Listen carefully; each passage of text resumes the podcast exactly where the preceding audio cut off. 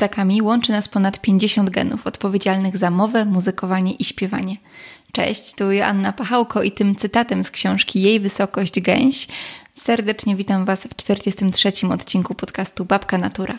Podcastu, w którym rozmawiam z ludźmi żyjącymi i pracującymi blisko natury, starając się lepiej zrozumieć otaczający nas świat.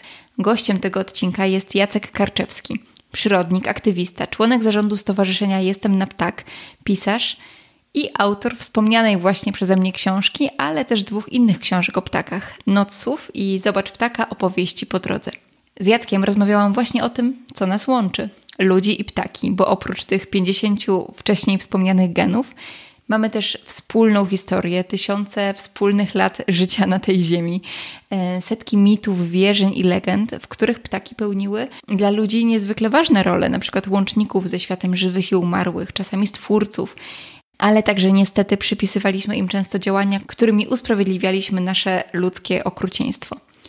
Bardzo serdecznie zapraszam więc Was na tę rozmowę o książkach, o ptakach, o kulturze, o wierzeniach, ale także o wrażliwości, nauce i naszej wspólnej ptasio-ludzkiej historii. Posłuchajcie.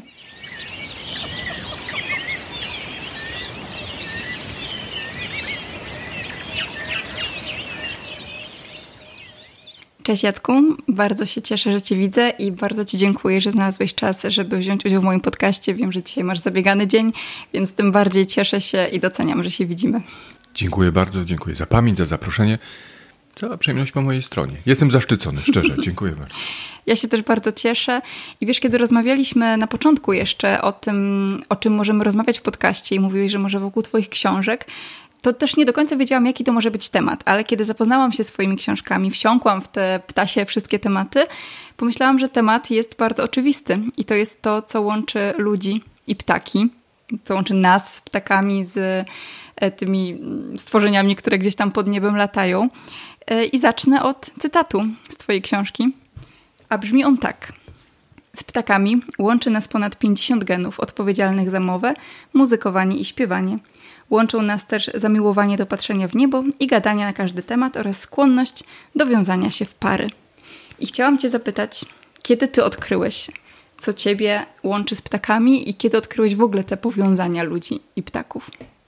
Ja nie przypominam sobie żadnego przełomowego momentu w moim życiu, kiedy bym wstał e, z łóżka albo krzesła i pomyślał sobie, o, ptaki to jest to. Ja po prostu taki się wyklułem, taki się, taki przyszedłem na ten świat i, i, i, i trochę właśnie wpatrzone ptaki, w ptaki, w przyrodę w ogóle, ale w ptaki w szczególności. Ja chyba też nie jestem tutaj nikim wyjątkowym, bo ptasiarzy y, na całym świecie y, są miliony. Żadne inne ptaki nie budzą chyba, żadne inne zwierzęta nie budzą takich e, emocji i żadnym innym, żadnych innych zwierząt nie, nie darzymy taką uwagą jak ptaków.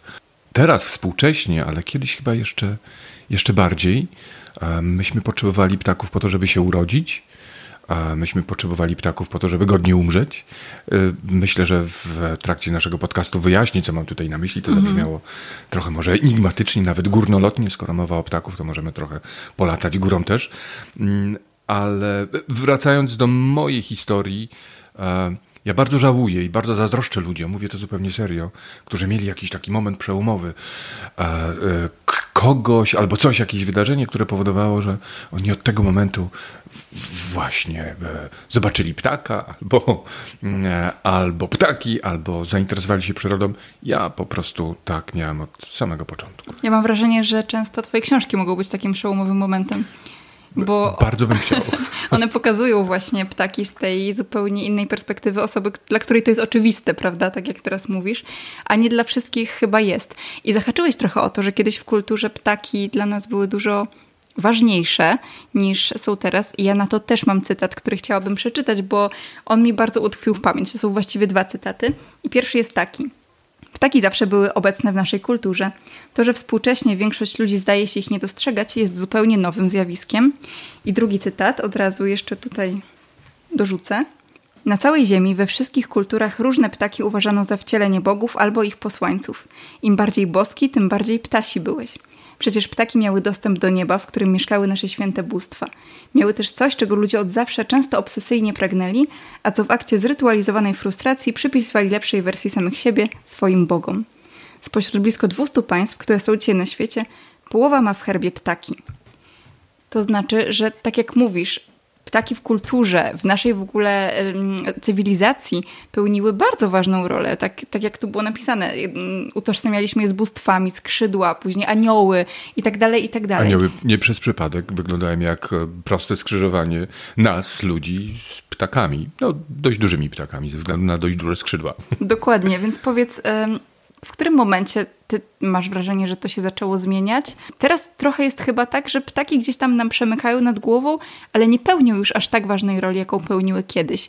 I od razu cię podpytam o to, o czym mówiłeś właśnie na początku. Dlaczego potrzebowaliśmy ptaków do narodzin i do umierania? Dlatego, że e, kiedy, kiedy umieraliśmy, e, tak wierzyli nasi przodkowie, e, nazwijmy ich umownie Słowianami, ale to są też takie wierzenia charakterystyczne dla ludzi w ogóle. Ale e, właśnie, pozostańmy na, naszym, na naszych ziemiach, gdzieś tutaj między Odrą, e, Bugiem i Wisłą i w tych okolicach. Więc myśmy wierzyli, że kiedy, na, kiedy umieraliśmy, to nasza dusza e, uchodziła albo z naszego ciała, albo dopiero e, ze stosu e, pogrzebowego, bo ciała przeważnie były palone po śmierci, więc ta dusza uchodziła albo z dymem unoszącym się nad stosem pogrzebowym albo z naszego ciała unosiła się w zaświaty, ale unosiła się albo przyjmując postać ptaka, albo przenikając do ptaka, albo zwyczajnie i normalnie chwytając się a to nóg, a to skrzydeł, a to przysiadając na grzbiecie e, różnych ptaków.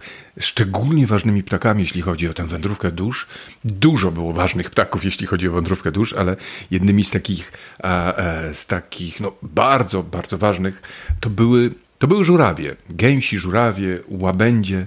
To były takie ptaki, które gdziekolwiek się pojawiały, to ludzie e, mocno e, wiązali je z mitami takimi założycielskimi, powiedziałbym, mhm. albo raczej e, mitami czy, czy, czy wierzeniami, jak powstali ludzie, jak powstało życie na Ziemi jak powstała w ogóle, mm, w ogóle Ziemia. O tym być może za chwilę, ale wracając do, do, do Twojego pytania, więc to ptaki E, niosły, zanosiły nasze dusze w zaświaty. E, w przypadku Słowian te, te, te, wierzenia słowiańskie były bardzo e, różnorodne, ale w większości z nich przewijał się wątek raju, który nasi przodkowie, prasłowianie nazwali wyrajem.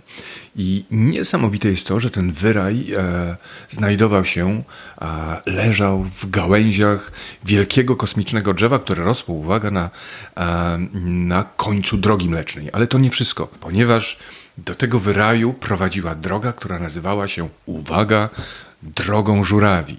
I do wyraju dostęp miały, raz jeszcze powtórzę słowo uwaga, tylko ptaki i tylko bogowie. Nikt inny do wyraju e, dostać się nie mógł. Jednym e, z głównych bóstw e, słowiańskich był Weles. Weles często przyjmował postać ptaka. I Weles też, bo nie tylko on zasiadał na, jakby dzisiaj byśmy powiedzieli wręcz na bramce, ale pilnował wejścia do, mm, do wrót, przez wrota mm, do wyraju i no właśnie tam często pełnił dyżur, e, przybierając e, postać ptaka. E, nasze dusze trafiały oczywiście z pomocą ptaku do wyraju i uwaga, mm, kiedy przychodził czas, to właśnie ptaki przynosiły te dusze z powrotem na ziemię, kładły na łona oczekujących mam, i tak dawały początek nowemu cyklowi życia. To jest bardzo ważna informacja, dlatego że e, to pokazuje, jak ważne były dla nas ptaki, jak bardzo ich potrzebowaliśmy, w jak bardzo, powiedziałbym, egzystencjonalnych, kluczowych e, sytuacjach, mhm. żeby się narodzić, żeby się umrzeć, żeby umrzeć, o czym e, mówiliśmy przed chwilą. Tak ważne były ptaki, ale ptaki też były tymi posłańcami. One łączyły nas za światami również w taki, e, jakby to powiedzieć, w takim bardzo, w bardziej codzienny sposób, czyli zanosiły nasze e, modlitwy do bogów, przynosiły ważne informacje od bogów do nas e, na ziemię.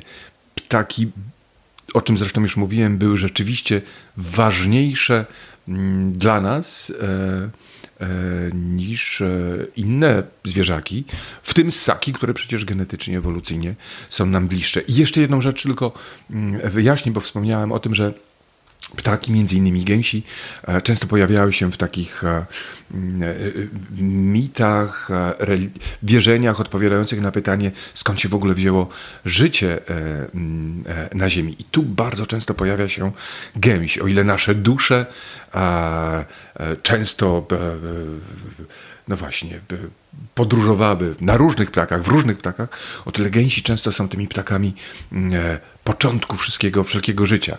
E, starożytni e, Hindusi wierzyli, wierzyli na przykład, że na początku, kiedy jeszcze nie było nic, była ona wielka pragęś, która zniosła magiczne jajo, wspaniałe jak słońce. Z tego jaja wyszedł Stwórca, wyle, wylęgł się Stwórca i on stworzył całą resztę. A z kolei e, starożytni e, Egipcjanie wierzyli, że, i to jest też bardzo ciekawy mit, bo jest, e, jakby to powiedzieć, ten, ten obraz jest właściwie dokładnie tak, jak, jak, jak, jak to było rzeczywiście w przeszłości, do pewnego momentu przynajmniej, chociaż kto wie. Więc oni wierzyli, że Ziemia była zawieszona w kosmosie, ale była tylko martwą, rosochatą skorupą. Mhm. No, rzeczywiście przypomina to te czasy, kiedy mm, na Ziemi było, były tylko trujące wulkany.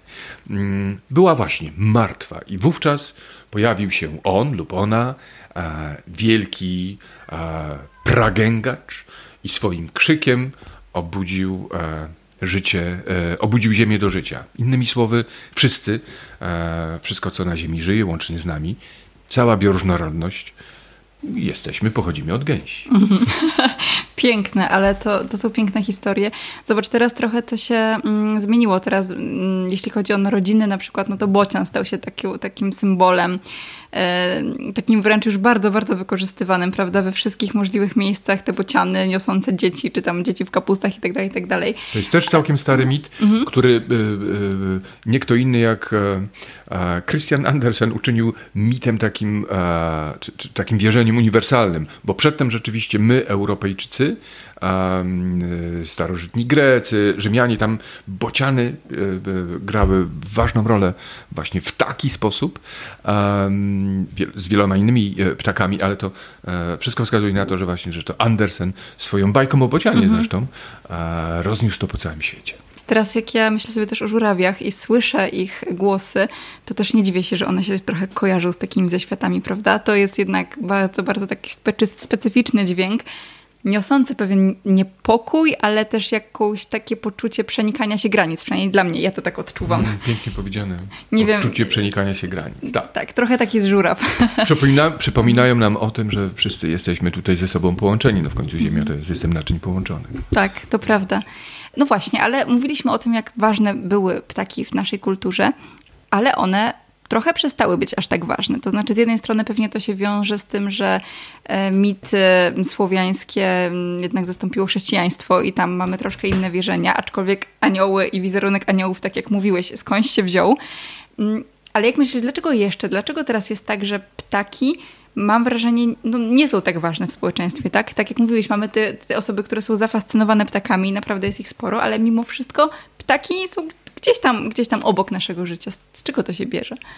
Zanim odpowiem Ci, e, e, Janno, na, na, na, na to pytanie, to jeszcze na jeden co najmniej aspekt chciałbym zwrócić uwagę, mm, no jak, jak bardzo, albo właściwie nawet dwa, e, jak, jak mocno obecne były ptaki w naszej kulturze. Zresztą w ogóle nasza kultura dawniej była mocno, mocno oparta na, na przyrodzie w ogóle. Wszelkie inspiracje mm, no, trafiały do kultury właśnie z natury, z przyrody. Ale jest jeszcze, są jeszcze dwie rzeczy, na które chciałbym mocno zwrócić uwagę. Po pierwsze, pamiętajmy o tym, czy właśnie zwróćmy uwagę wspólnie na to, jak wielu mamy wokół siebie żurawi, E, wrońskich, wróblewskich, e, gąsiewskich, kaczorowskich, kaczyńskich itd., tak itd. Tak Jak wiele jest e, nazwisk od ptasich. No, są też bardziej subtelne, typu kulczyk, czyżyk, szczygieł. Mhm. Nie są takie właśnie oczywiste, typu no tak. gąsiewski na przykład. Ale, więc to, to pokazuje, jak, jak dużą rolę E, ptaki grały w naszej kulturze, dawały nam e, e, nasze własne logo, nasze, nasze, nasze, nasze osobisty, nasz osobisty znak identyfikacyjny typu, typu nazwisko. No i to, co już wydłubałaś z książki, czyli no, jak, wiele, jak wiele państw sięgało po ptaki w, w tych momentach kiedy te państwa się zakładały. Bardzo często to były naprawdę odległe czasy. Cesarstwo Rzymskie, które ma w, w logo, miało w logo e, orła przedniego, no i potem ten orzeł przedni był kopiowany, e, mniej lub bardziej e, przekształcany, ale jednak kopiowany przez wiele innych narodów, które w owym czasie, no jakby to powiedzieć, sięgały po swoją wolność w Europie. Dzisiaj tak jak czytałaś, połowa krajów ma e, w swoich e, e, logach, w swoich godłach narodowych ptaki. Wciąż kolejne kraje wybierają ptaki na swoje, na swoje symbole symbole mm, narodowe. Ale zapytałaś, e, co się zmieniło, i, i, i chyba też e, już wskazałaś e, pierwszy powód tej wielkiej zmiany. Mianowicie chrześcijaństwo. Nie tylko chrześcijaństwo, ale też judaizm i, i islam, czyli te wielkie nazwałbym je oficjalne religie, w odróżnieniu do religii powiedzmy etnicznych, które mocno opierały się e, na zwierzętach. E, było tam dużo tych wątków animalistycznych, animistycznych. Zresztą chrześcijaństwo bylibyśmy zaskoczeni, jak dużo, jak jak wiele ptaków było ważnych dla chrześcijan, e, jak mocno miały mm, e, wymowę symboliczną. Dzisiaj z chrześcijaństwem kojarzylibyśmy pewnie tylko e, gołębia jako mhm. symbol Ducha Świętego, ale przecież Paw był ptakiem mm, Chrystusa i Kościoła.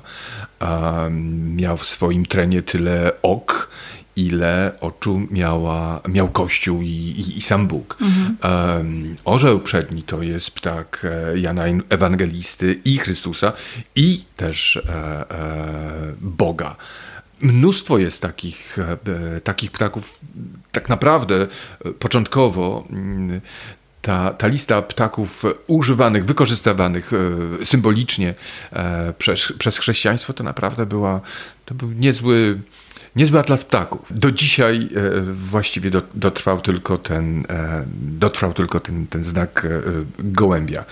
Ale to też, no właśnie, zajęło, zajęło religii chrześcijańskiej i podobnie innym religiom naprawdę wiele wieków, żeby, żeby odciąć się od tych swoich korzeni animistycznych, animalistycznych a, i no, iść z tym przesłaniem, to człowiek jest koroną stworzenia, a cała reszta nie ma, nie ma znaczenia, aż zaczęło mi się e, rymować. To właśnie te religie od takiej silnej e, ambicji misyjnej no, dały, e, by to powiedzieć, po, położyły podłoże pod ogromny, ogromną zmianę w naszym myśleniu, postrzeganiu, w, naszych, w naszym stosunku do przyrody, w ogóle, do ptaków w szczególności. W szczególności dlatego, że tak jak powiedziałem, trudno znaczy, mógłbym to podkreślać na wiele razy, bo, bo to ptaki właśnie były szczególnie, szczególnie dla nas e, ważne. Nawet e, dawne by, by imiona kojarzyły ptaki z bogami. Jest takie imię Aves. Nie, Aves oznacza ptaki po łacinie. Ave to jest też tradycyjne, starożytne pozdrowienie mówiące, no, no, życzące też y, powodzenia wszelkich łask od Boga, ale też było imię Awia, e, które łączyło i boskość, i ptasiość, no bo mm, e, znaczyło pochodzący od Boga. Aves, Avia, Ave, to wszystko to są e, słowa mm, o, o, tej samej podstawie słowotwórczej. Więc to też pokazuje, jak myśmy bardzo byli związani z przyrodą, w ogóle z ptakami w szczególności. Więc najpierw były te bardzo silne e, religie o, o, silnej takiej wielkiej ambicji misyjnej, które szły przez świat jak, e, e poszły przez świat jak walec, szczególnie najpierw chrześcijaństwo, a teraz e, coraz mocniejsze jednak też e, moc, mocno brzmi e, islam, które w gruncie rzeczy, e, jeśli chodzi o swój stosunek do przyrody, ma podobne, mhm. podobne założenia, podobne wizje forsuje. Kolejnym takim wydarzeniem, które bardzo mocno wpłynęło na nasze postrzeganie przyrody, to było, to było oświecenie i, e, e, i Kartezjusz, który powiedział e, myślę, więc jestem. A wkrótce no, potem powiedział mówię, więc jestem. A ci, którzy, tak, a ci, którzy nie myślą, mhm. inaczej, ci, którzy nie mówią, ich nie ma. To z tamtych czasów pochodzi e, e, powiedzenie dzieci i ryby głosu nie mają, ale w pierwotnej wersji brzmiało m, dzieci i zwierzęta e, głosu nie mają. My możemy cenić oświecenie za wiele rzeczy, które nam dało, ale ono dało nam też rasizm, dało też nam niewolnictwo, dało nam też e, ogromne nierówności społeczne i dało nam też takie bardzo e, eksploatacyjne podejście, przemysłowe podejście do przyrody w ogóle. Jakby tego było mało, to wkrótce potem, kiedy y, no, mieliśmy już tam taką mocną bazę i, i zbudowaną przez religię, potem jeszcze przez oświecenie, no i jeszcze pojawił się, pojawił się behawioryzm. To już, był, to już były początki XX wieku, ale behawioryści, behawioryści mówili, że nie ma uczuć, nie ma emocji. My mamy mało rozumu, my ludzie, a co dopiero zwierzęta. Więc y, wszystko sprowadzili do odruchów, prostych reakcji, bodziec, reakcja, a zwierzęta były pozbawione, zostały pozbawione raz na zawsze rozumu, myśli, woli, no, wszelkich takich rzeczy.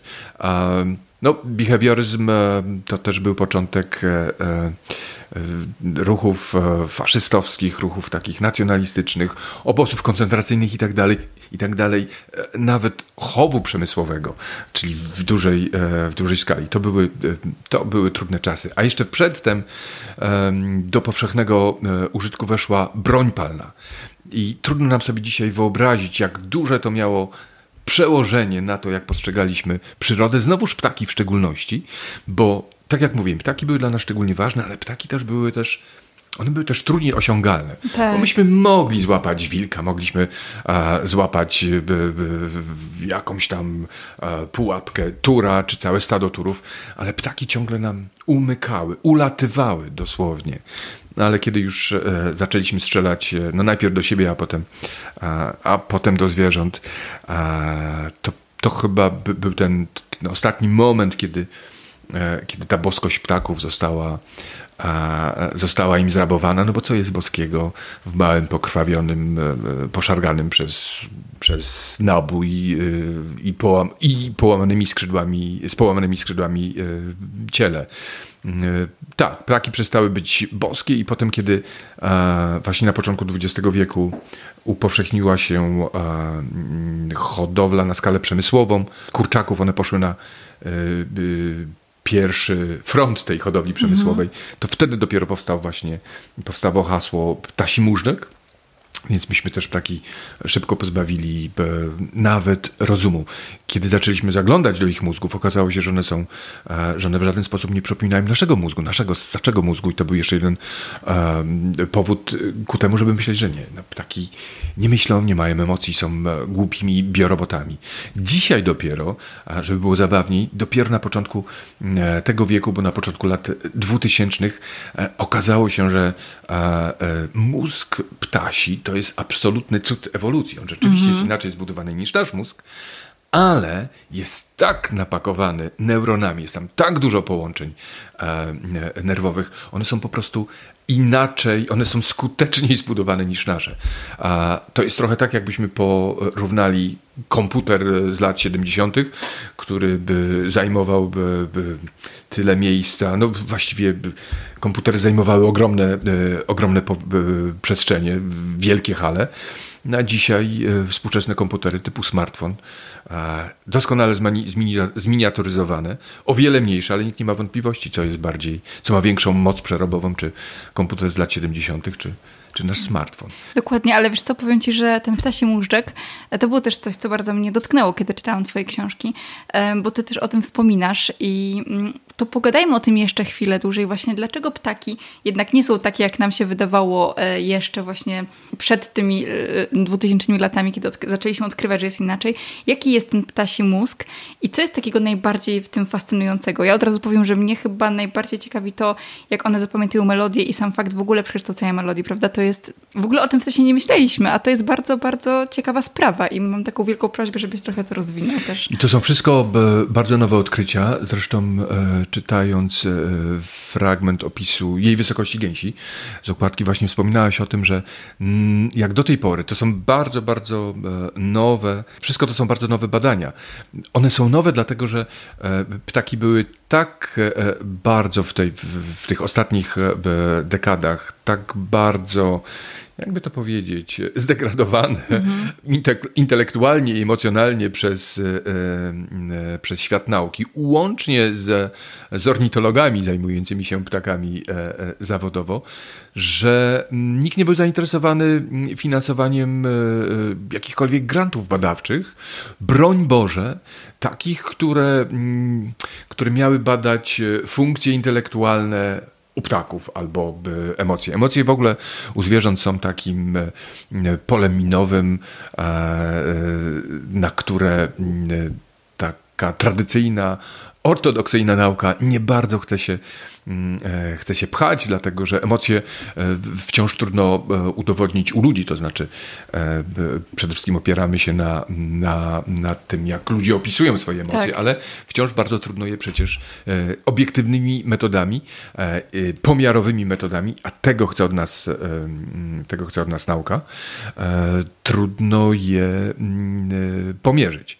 No ale wracając właśnie do tych, do tych ptaków, właściwie w pewnym sensie było embargo na, na badania mhm. E, ptaków, więc myśmy niewiele o tym e, wiedzieli, nie byliśmy zainteresowani. Wydawało, wydawało nam się, że to, co postanowiliśmy, zdaje się, że w latach 20. i 30. XX wieku, że to ciągle obowiązuje. E, a, a to wtedy zaczęliśmy ciąć te, te ptasie mózgi. Okazało się, że zaraz. One kompletnie nie wyglądają tak jak nasze. A dzisiaj już wiemy, to o czym mówiłem, że one są rzeczywiście inaczej zorganizowane, ale to nie znaczy, że nie są, że są mniej skuteczne. U ptaków Ptaki, e, wszystko co robią ptaki ewolucyjnie, pomijając jakieś tam strusie i e, kiwi, ale one też wtórnie utraciły e, zdolność lotu, więc to co chcą robić ptaki, to one chcą jednak latać. A latać oznacza mało ważyć. Więc to wszystko, co możemy zredukować, jeśli ktoś nie wie albo nie do końca wie, co mam na myśli, mówiąc, że latać oznacza mało ważyć, to przypominam, że nie przez przypadek staramy się jak najmniej ze sobą zabrać e, bagażu na pokład e, samolotu, bo ten e, bagaż ekstra kosztuje. Prawda. Tak, i to samo dotyczy, to samo dotyczy ptaków. Chcesz dobrze latać, musisz być lekki. Twoje parametry lotnicze, czyli stosunek powierzchni lotnej, w przypadku ptaków to są oczywiście skrzydła, w przypadku samolotów zresztą też, mm, e, ale u ptaków do tego jeszcze dochodzi e, dochodzą pióra e, sterujące, czyli tak zwany ogon.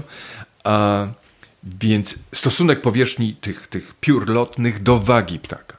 I każdy ptak, któremu zależy na lataniu, robi wszystko, żeby możliwie mało ważyć.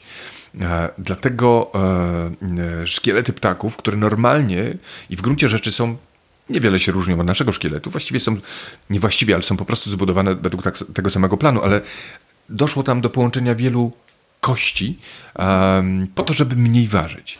E, dlatego też między innymi ptaki um, nie sikają tak jak my.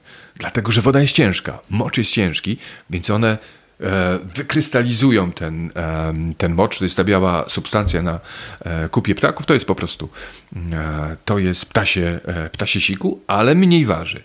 Ptaki też z tego powodu nie mają ciężkich zębów i, i, i szczęk, zamiast tego mają lekkie dzioby. No i, no i dochodzimy wreszcie do tego mózgu. Nasze mózgi są bardzo rozrzutne, to znaczy jest tam sporo e, miejsca i substancji, i są ciężkie, ale jest sporo miejsca i substancji, które według tego, co wiemy, i zdaje się, że to już e, możemy uznać za póki co temat zamknięty, niczemu nie służą. Są tylko masą, w której zatopione są neurony i, i połączenia um, neuronów. Więc u ptaków tego wszystkiego nie ma. Okazuje się, że średnio tej samej masy e, i wielkości mózg saczy i ptasi, no w przypadku ptaków będzie zawierać, zawiera co najmniej dwa razy więcej neuronów tak gęsto są e, upakowane e, ptasie mózgi. To są mózgi właściwie atomowej mocy. Oczywiście, że to nie znaczy, że e, ptaki nagle zaczną pisać na komputerach albo mhm. myśleć o programowaniu. Tak samo mm, nie zrobią tego słonie, mimo że ich mózg jest cztery razy większy od naszego. Ale to właśnie jest e, e, kluczem tutaj w całej tej sprawie. Okazuje się, że, okazuje się, że to, co jest naprawdę ważne, ważne to nie e, sama masa mózgu, e, ale to, jak on jest zorganizowany, ile ma neuronów i jak te neurony są ze sobą e, połączone. Weźmy na przykład takiego myśli królika, najmniejszy z naszych, e, z naszych E, krajowych, ale też europejskich ptaków e, jest jakieś cztery, cztery razy lżejszy od, e, od myszy. Inaczej, jego mózg jest cztery razy lżejszy od mózgu myszy, ale on, a mózg mysi królika ma, ma o jakieś 230% więcej neuronów niż, e, niż e, mózg myszy. No i mhm. właśnie, jego waży zaledwie 0,36 grama i mieści 164 miliony neuronów, podczas gdy mózg myszy waży 0,42 grama więcej i ma tylko 71 e, milionów neuronów. E, gdybyśmy porównali mózgi papug czy kruków e, z mózgami ssaczymi, to te różnice będą jeszcze większe. No i nie powinniśmy się dziwić, kiedy się okazuje, że jeśli chodzi o tak zwane zdolności, przepraszam za słowo kognitywne, czyli umiejętności poznawcze, to zdolności niektórych przynajmniej papug e, i kruków Niektóre papugi, niektóre kruki będą e, przewyższały e, szympansy na przykład. Mało tego, to są ptaki, które na pewno będą przewyższały e, e, szympansy w takich zdolnościach, w takich umiejętnościach społecznych, no bo ptaki są też istotami e, mocno społecznymi. Dla nich relacje są bardzo ważne, a tych relacji może być tam bardzo dużo. Niektóre ptaki żyją naprawdę w bardzo skomplikowanych relacjach i rodzinnych, i społecznych, i to jeszcze takich relacjach, powiedziałbym, multikulti. Musimy pamiętać o tym, że e, taka modraszka, e, która żyje w naszym ogrodzie albo w naszym miejskim parku, ona nie żyje w tym parku tylko z innymi modraszkami. Ależ nie, ona żyje tam też e, z bogatkami, e, żyje tam z kosami, z kawkami, srokami, wronami, e, nie daj Boże kotami, mhm. ludźmi, tramwajami, które śmigają obok, autobusami, z całą ilością, z wielką ilością różnych zwierząt, ludzi, maszyn, które my przecież stawiamy do, do miasta. Ptaki żyją w bardzo skomplikowanych sytuacjach czy, czy, czy, czy układach społecznych i one, żeby przeżyć w tych, e, w tych relacjach, w tych układach, muszą e, za tymi układami nadążać, muszą je rozumieć, jakbyśmy dzisiaj powiedzieli, mm, ogarniać. Więc no właśnie, od dzisiaj, jeśli ktoś o nas powie per ptasim muszczku, odbierzmy to jako komplement, zdecydowanie. tak, dokładnie. A jeszcze a propos tych relacji ptaków, e, pogadajmy chwilę o relacji ptaków i ludzi, bo inną kwestią, która też mnie bardzo zainteresowała, było to, że ptaki różnie zachowują się w różnych krajach. My jesteśmy przyzwyczajeni do, przyzwyczajeni do tego, że ptaki się nas boją, uciekają, no raczej są takie płochliwe. Ale jest tak, że ten sam ptak, e, przelatując do innego kraju, z inną kulturą, na przykład z innym traktowaniem ptaków ogólnie, może się czuć tam bardzo swobodnie i w ogóle się nie przejmować ludźmi na przykład. E, to też jest bardzo ciekawe, prawda, że te ptaki potrafią to wyczuć i potrafią zmieniać też swoje nastawienie do ludzi. Trochę smutne, że u nas zazwyczaj się boją. To jest rzeczywiście coś, na, na co, co, co na mnie zawsze robiło niezwykłe wrażenie, bo to jest dokładnie tak, jak mówisz, że te ptaki, które będą, to bardzo dobrze widać w przypadku e, ptaków migrujących. E, sporo kaczek, e, naszych kaczek migruje na zimę e, do zachodniej Europy, między innymi na Wyspy Brytyjskie, bo warto być może tutaj podkreślić, że Londyn, tak, to nie jest przejęzyczenie. Londyn jest jednym z najważniejszych e, zimowisk dla takich gatunków jak płaskonos, e, chyba również głowienka, e, krakwa, cyraneczka. Mm, I ptaki, które u nas no, nie pozwoliłyby się podejść na odległość wieluset metrów, kaczki niestety, to są akurat poza cyraneczką te gatunki, które wymieniłem, to są już no i poza, i poza głowienką. No, czyli jednak właśnie. Problem polega na tym, że e, mm, do kaczek strzelało się e, intensywnie przez e, wiele, wiele mm, lat. I e, nawet te, które są objęte już dzisiaj całkowitą ochroną gatunkową, ni niestety e, często obrywają e, rykoszetem przy okazji polowań na swoje kuzynki. No więc Kaczki są jednymi z bardziej płochliwych ptaków. E, u nas widać to bardzo mocno. Nie w miastach. Nie w miastach, nie w no miastach. no właśnie, bo to też mhm. pokazuje, jakie ptaki są roztropne. No wiedzą, że e, ludzie w mieście e, wiedzą, że nie mogą polować, więc, więc się nie boją, więc krzyżówki, które już dawno skolonizowały miasta i prawdopodobnie, prawdopodobnie jest to jeden z, z powodów. No to jest generalnie gatunek znany ze swojej elastyczności, ale no właśnie, to co zyskały w miastach to spokój e, od myśliwych.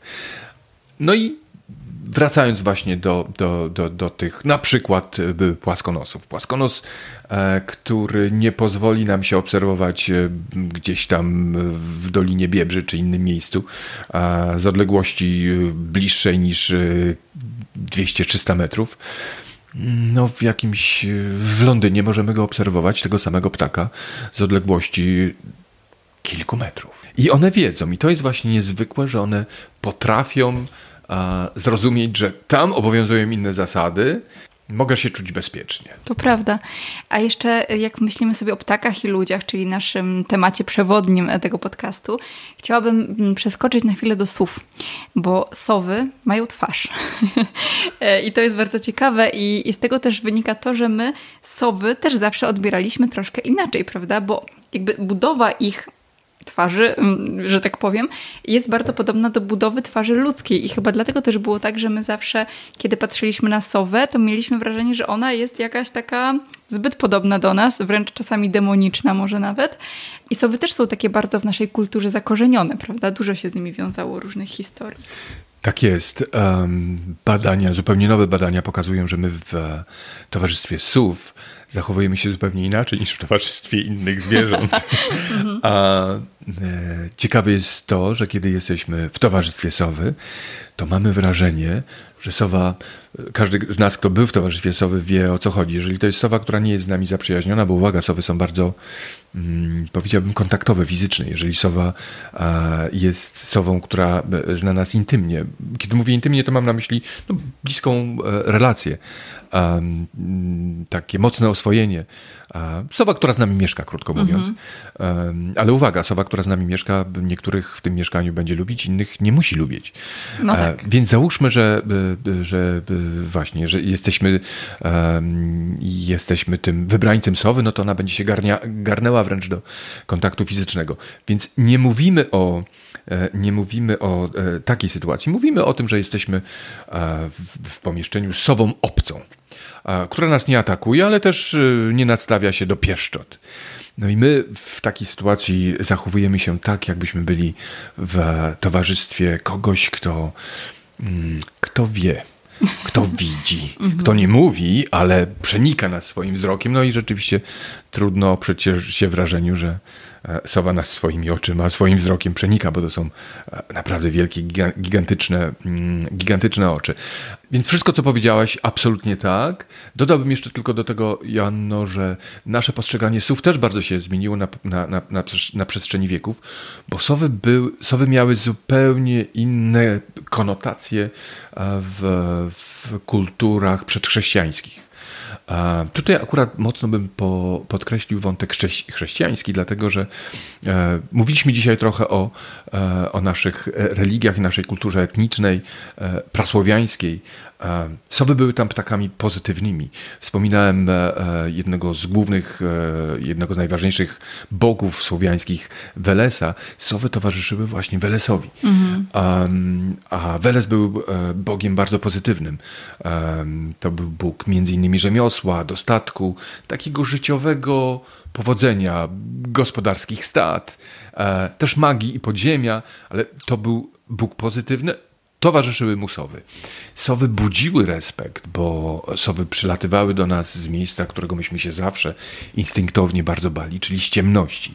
Ciemny las tak. też. Mhm. A ktoś, kto nie boi się ciemności, to znaczy, że no, musi mieć jakieś supermoce. I to były te czasy, kiedy myśmy sowy za to doceniali. Sowy były wówczas strażniczkami naszych e, osad, naszych wsi. Sowy były mm, e, patronkami e, urodzaju naszych pierwszych przydomowych ogrodów.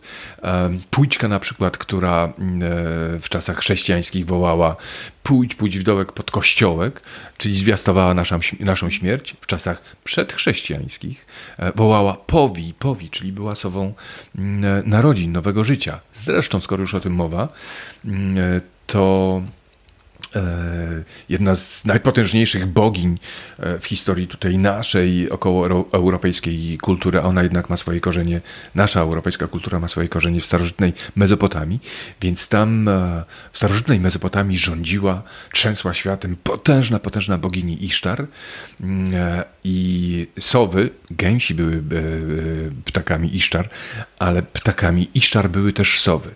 Sowy były ptakami w tamtych czasach, były ptakami nie tylko E, wiedzy, e, mądrości, ale też, uwaga, sztuki uwodzenia, kochania, e, płodności. To stamtąd pochodzi pójczka Ateny, czyli starożytnej greckiej bogini mądrości, to się zaczęło zmieniać w czasach, w czasach chrześcijańskich. E, po trosze dlatego, że Rzymianie mieli inny stosunek do, starożytni Rzymianie mieli inny stosunek do słów niż starożytni Grecy.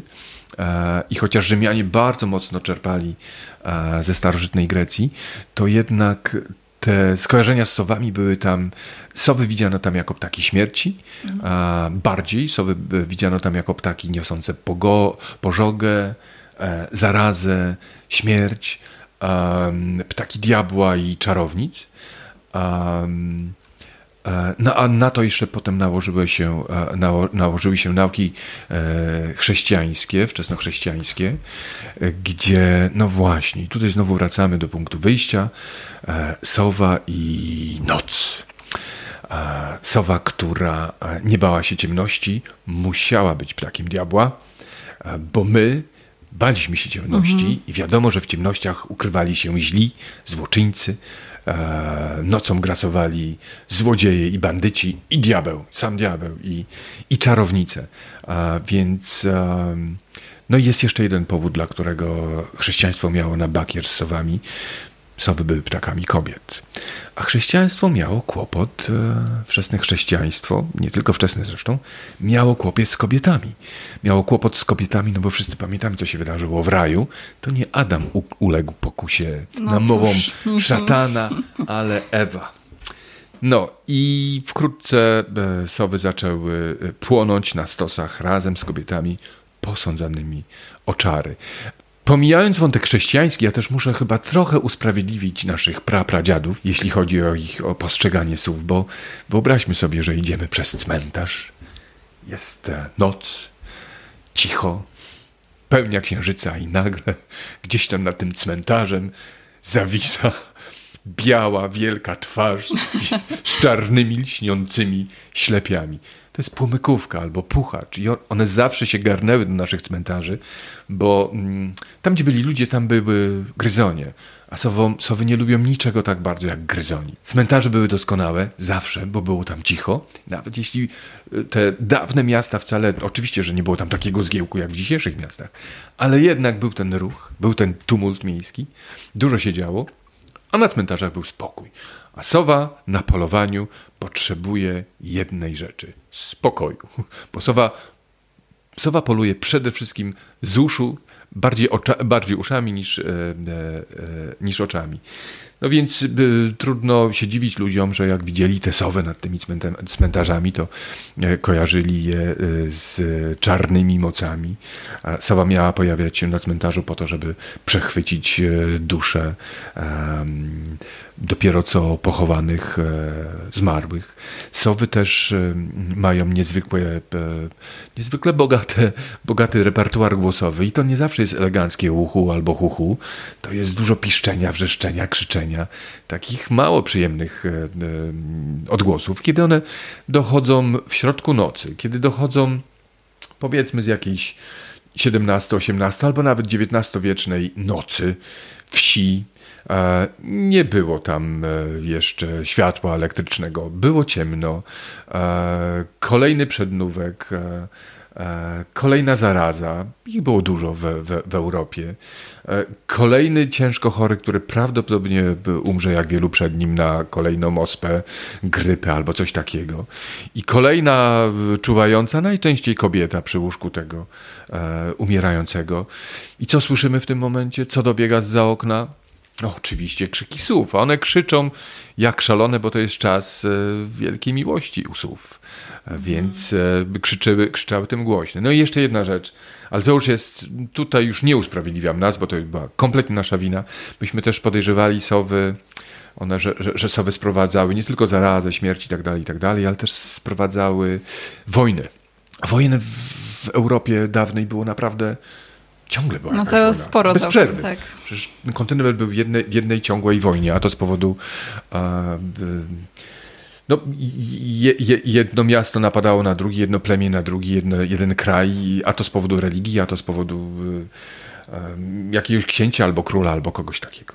No więc wo, wojen było strasznie dużo, ludzie padali jak, e, jak muchy, a nad tymi ludźmi, e, nad tymi frontami usianymi trupem, no bo tak to trzeba powiedzieć, unosiły się między innymi sowy. Ale one nie unosiły się tam po to, żeby e, wyjadać e, wnętrzności naszych bohatersko zabitych czy, czy, czy umarłych. One tam przychodziły, przylatywały za tym, co zawsze, za myszami i szczurami, które z kolei oczywiście nie miały nic przeciwko tym wnętrznościom. Ale sowa, sowy nie jedzą, a, przepraszam za zwrot padliny, sowy, sowy jedzą tylko to, co same upolują i to świeżo. E, no właśnie, i teraz e, poruszyłeś pewien mit też, który wiąże się z sowami. O sowach w ogóle napisałeś całą długą książkę. E, powiedz, czy kojarzysz jakiś taki największy mit, który jest związany z sowami? Coś, co my błędnie myślimy o sowach, a rzeczywiście jest zupełnie czymś innym? Taka jedna rzecz, która gdzieś tam chodzić po głowie? Sowy na pewno nie są ptakami diabła. to jest raz.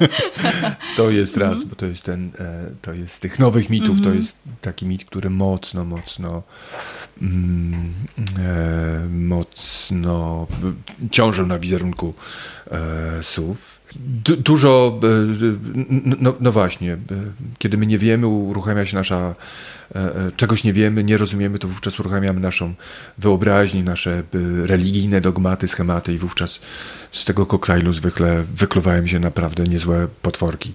My na przykład wierzyliśmy, że, um, że dobrym sposobem na to, żeby chronić nasze um, domostwa przed, e, e, przed pożarem albo przed odwiedzinami czarownicy czy diabła, to było, uwaga, chwytać e, sowy, przede wszystkim płomykówki, bo one były posądzane o to, że były że, że czarownice posyłały je z mm, posyłały je z ogniem, żeby zapruszać ogień w naszych, w naszych domostwach.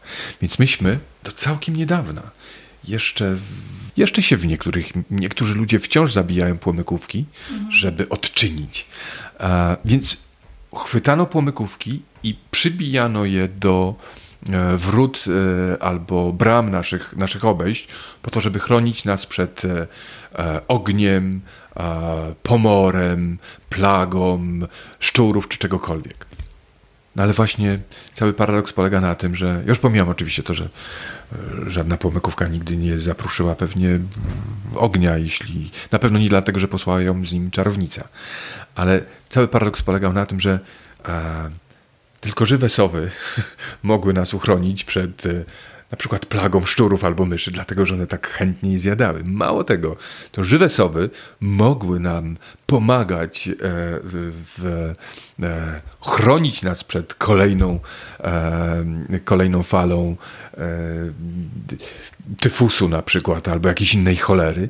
Tyfus wiemy o tym, że roznosiły między innymi szczury. No i właśnie, gdybyśmy sowy, sowom pozwolili e, żyć zamiast je zabijać, to być może mielibyśmy trochę e, epidemii mniej tyfusu, no bo sowy zjadałyby w międzyczasie te roznoszące e, tyfus szczury. Więc to tak a propos mitów. Zwykle, zwykle zabieraliśmy się do nich źle. Źle, tak. I, i, i paradoksalnie, prawda, mm. że, że gdybyśmy robili odwrotnie, to tak. wyszłoby, wyszłoby całkiem dobrze. E, no dobrze, to powiedz, tak myślę sobie o ptakach, o tym, jak ty je opisujesz e, w bardzo wielu słowach i w bardzo wielu historiach. Czy masz też w głowie jakąś historię, mm, jakieś wydarzenie, takie najbardziej poruszające ciebie w związku z ptakami? Coś, co ciebie rzeczywiście poruszyło, zaparło ci dech w piersiach i zostało z tobą już na zawsze? Takich e, wydarzeń mam chyba, chyba całkiem sporo, mhm. ale y, powiem szczerze, że rzadko jestem o nie pytany i, e, i e, nie zawsze nie zawsze one łatwo jakoś mhm. trafiają mi do głowy. I zwykle jest tak, że po tym pytaniu e, pewnie dzisiaj będzie dokładnie tak samo, że wyjdę i pomyślałem sobie, o kurczę, przecież mogłem Jannie opowiedzieć o tym czy o tamtym, bo to byłoby, to było fajne. Ale e, na ten moment przyszło mi do głowy e, przyszło mi do głowy na przykład takie wydarzenie. Kiedyś byłem świadkiem polowania bielików na e, gęsi. To było takie, to było takie polowanie treningowe. To był młody ptak, który pod okiem rodziców uczył się polować dopiero. Była późna jesień, Park Narodowy Ujście Warty. To było polowanie takie prawie zespołowe. Ci, ci rodzice tam gdzieś cały czas byli na, mm-hmm. w odwodzie i ten, i ten młody ptak, który mm, spadł na e, gęś zbożową. Ta scena trwała być może pół godziny. Ja miałem wrażenie, że trwała całą wieczność. Ja siedziałem w czatowni. Zaczęło się to o, o, zachodzie słońca, skończyło już przy takim mocno świecącym księżycu. Pełnia była. Ja wtedy zrozumiałem, że rzeczywiście jest tak, że kiedy jesteś chora lub chory, zraniona lub zraniony, to łatwiej jest spaść e, ofiarą takiego czy innego drapieżnika. I tak jest pewnie w większości, ale w przyrodzie, tak jak też w naszym życiu, duża sprawa to jest e, mieć szczęście, być w dobrym miejscu we właściwym czasie, albo odwrotnie być w złym miejscu w niewłaściwym mhm. czasie. I tamta gęś zdecydowanie była. To musiała być bardzo silna gęś. Musiała się zagapić. Coś się takiego stało, że jednak e, ten, ten e, bielik ją dopadł. Ja patrzyłem całymi kwadransami, jak a ponieważ on był młodym ptakiem, bo zwykle drapieżniki szybko zabijają swoje ofiary, bardzo szybko, bo nie opłaca im się e, walczyć z ofiarami, bo to się może różnie skończyć. On nie wiedział jeszcze, jak ją zabić, jak to zrobić szybko i, i skutecznie. I on próbował ją, on po prostu na nie stał, on próbował ją utopić. Dorosły ptak to już dawno by włożył ogromny. ogromny pazur w, w tylnym palcu stopy, włożyłby w, między czaszkę i, i kręgosłup e, i, i kręgosłup szyjny, przerwałby rdzeń e, kręgowy i e, ptak już by nie żył w, albo w innej sytuacji zapuściłby bardzo długie szpony. Ptaki drapieżne nie przez przypadek mają tak ostre i tak długie szpony, bo one je, no właśnie, one służą do przerwania rdzeniów kręgowych albo do zapuszczania tych szponów w mięśnie w, w, i w narządy wewnętrzne serca, płuca, mm, po to, żeby tę śmierć jak najszybciej zadać. A ten ptak nie wiedział, jak to robić. I ta gęś co chwila podnosiła wodę z, tej, z tej płytkiej wody, e, głowę z tej, z tej płytkiej wody. A on znowu ją tam próbował. A s, trwało to strasznie długo, było to strasznie przejmujące. Um, nie wiem, dlaczego opowiadam tę taką mało fajną historię, ale tak, to jedna z mhm. takich, które, mm, e, które zostały ze mną i ciągle to pamiętam. Przecież to się wydarzyło kilkanaście, może 20 lat mhm. temu. Ja to pamiętam, pamiętam jak to było wczoraj, jakby to było wczoraj. Ale chyba, ale pamiętam mnóstwo takich sielankowych obrazów, które być może nie będą takie spektakularne, e, kiedy się je e, opowiada, ale i te chyba sobie cenię najbardziej. Ja lubię, ja lubię właśnie tę sielko, sielskość w przyrodzie. Lubię to, kiedy, kiedy w jednym miejscu jest kilkanaście gatunków i wszystkie sobie żyją i coś tam robią i nikt się nikogo nie czepia. Mhm. A w takich centrach, dużych centrach właśnie migracji, na, na przelotach, to łatwo trafić w takie, w takie miejsca, w takie, na takie obrazy. Ty jak opisujesz w swoich książkach, to też piszesz bardzo, bardzo różnorodne historie opisujesz, bardzo różne perspektywy pokazujesz i, i dla mnie to jest też takie zanurzenie się w ogóle w ten świat ptasi, którego my, jeżeli właśnie nie pójdziemy do czatowni, gdzieś się nie będziemy zakradać, to nie dostrzegamy na co dzień, prawda? Bo, no bo nie umiemy, nie, nie chcemy i nie mamy takiej możliwości za bardzo. I tak już mm, robiąc taką pętlę może trochę do, do końca e, naszej rozmowy, powiedz, mm, od której twojej książki polecałbyś zacząć taką przygodę z ptakami i takie fascynowanie się ptakami? Napisałem do tej pory trzy książki. Wydaje mi się, że każda z nich jest e, inna, różna. Tak mi się mhm. wydaje. Tak mówią, tak mówią ludzie też. E, cieszy mnie to.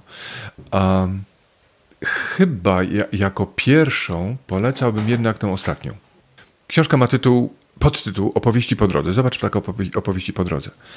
I to jest książka o ptakach, które możemy zobaczyć po drodze. To jest też książka, którą możemy czytać po drodze. Po drodze do łazienki albo łazience, a, y, po drodze na śniadaniu między y, kanapką a kawą, a w tramwaju, gdziekolwiek. Ale no i właśnie, to jest też książka, y, która opowiada o ptakach po drodze, takich, które możemy zobaczyć po drodze do pracy, do szkoły, do kina, otwierając okno albo nawet jego nie otwierając, bo to jest książka o ptakach e, takich, które możemy zobaczyć nie idąc do czatowni, o której wspominałaś. Mm -hmm. Więc mhm. i to jest książka, która zwraca, chciałbym, żeby zwracała uwagę na, na te ptaki w zasięgu ręki, w zasięgu wzroku naszych sąsiadów. Poza bardzo, bardzo pojedynczymi wyjątkami, które, których e, otwierając okno nie zobaczymy z całą pewnością. Ale generalnie to, to jest książka właśnie o tych naszych sąsiadach, o ptakach po drodze, dlatego może, może zacząłbym e, od niej. Mm, a jeśli nie od niej, bo mam pewne wątpliwości, to może jej wysokość gęś. Ja się bardzo ucieszyłem, kiedy. Bo to nie jest tak. Ja tak nie mam, że pisałem tę książkę czy inne książki, to wiedziałem, co chcę, żeby ludzie, że wiedziałem, jak chcę, żeby ludzie je odbierali, ale niezwykle się ucieszyłem, czy cieszę się, kiedy ludzie, którzy przeczytali jej Wysokość Gęś, mówią, że jest książka o miłości. Myślę, że to są dwie bardzo różne książki w gruncie rzeczy, ale może jej Wysokość Gęś jako druga, A, no i wreszcie Noców, uprzedzam, to jest książka przede wszystkim dla sowocholików. Jest to książka o sowach. E, nie sposób dzisiaj opowiadać, e, opowiadając o, o ptakach, o przyrodzie w ogóle nie, nie, w spo, nie sposób chyba mówić o świecie też w ogóle. No bo przecież ptaki nie żyją poza światem, a ten świat jest mocno zdominowany, zdominowany przez nas, ale mimo wszystko Noców to jest jedna książka przede wszystkim o, o sowach, o tym jak żyją, żyją sowy, więc jeśli ktoś z kolei lubi sowy, a sowy znowu są modne, e, wraca Atena tak, tak. z półćką na ramieniu, no to może, może noców. E, ja twoje trzy książki czytałam właściwie równolegle, e, przygotowując się do podcastu i też mam taką refleksję, że... Mm, Chyba bym robiła tak, że czytam jej wysokość gęś, a w momentach, kiedy chciałabym sobie dać chwilę oddechu, czytam Zobacz ptaka, na przykład rozdział po rozdziale, na przykład jeden dziennie, tak? Żeby sobie z jednej strony jej wysokość gęś, gęś pokazuje mm, taką różnorodność i bardzo otwiera oczy na to, jakie te ptaki w ogóle są, e, a zobacz ptaka już mm, bardziej nas kierunkuje, tak? Bardziej nam pokazuje, jak my rzeczywiście możemy tę wiedzę przełożyć do praktyki i jakoś tak bardziej osadzić to w takim naszym kontekście, prawda? Bo ja też zawsze miałam ten problem, że dla mnie ptaki to była jakaś wielka zbiorowa masa, której w ogóle nie rozróżniałam, a otwieram sobie twoją książkę, widzę rozdział o kosach i myślę sobie, to są ptaki z mojego ogródka I, i jakby dzięki temu mogę je lepiej poznawać. Aczkolwiek noców też czytałam równolegle i, i poczułam, że właśnie sowy bardzo kulturowo wracają, że już mam takie myśli, kurczę, sowy to jest bardzo fascynujący ptak i cieszę się, że odczarowujemy go, prawda? Tak jak wiele, wiele innych e, rzeczy tak naprawdę teraz odczarowujemy, ale sowa jest fascynująca i mam nadzieję, że kiedyś się właśnie na noc słów wybiorę przy okazji takiego wydarzenia. Zapraszam. Bardzo dziękuję Ci za tę rozmowę. Bardzo ja dziękuję. dziękuję też za Twoje książki. Bardzo je polecam. Tak jak mówisz, każda jest inna, więc niezależnie od tego, od której zaczniecie, drodzy słuchacze, to e, myślę, że, że jakby w każdej znajdziecie zupełnie też inne jakości i inne wątki, więc wszystkie trzy bardzo polecam i bardzo dziękuję za rozmowę. Dziękuję bardzo. Niech ptaki będą z nami. Dziękuję. Dokładnie. Dziękuję Wam za wysłuchanie podcastu. Jeszcze raz bardzo polecam Wam wszystkie książki Jacka. To jest człowiek o wielkiej wrażliwości i naprawdę lekkim piórze. Co jest jakby dość zabawne, biorąc pod uwagę fakt, że swoją twórczość poświęca właśnie ptakom. Jeżeli chcecie podzielić się refleksjami po wysłuchaniu naszej rozmowy, piszcie do mnie na Facebooku i na Instagramie. Znajdziecie mnie tam jako Babka Natura. Będzie mi też bardzo miło, jeżeli zaobserwujecie podcast w Spotify i wystawicie mu ocenę, bo to pomoże mi docierać do kolejnych słuchaczy. Jeszcze raz bardzo dziękuję za tę wspólną godzinę i do usłyszenia w jakiś kolejny piątek.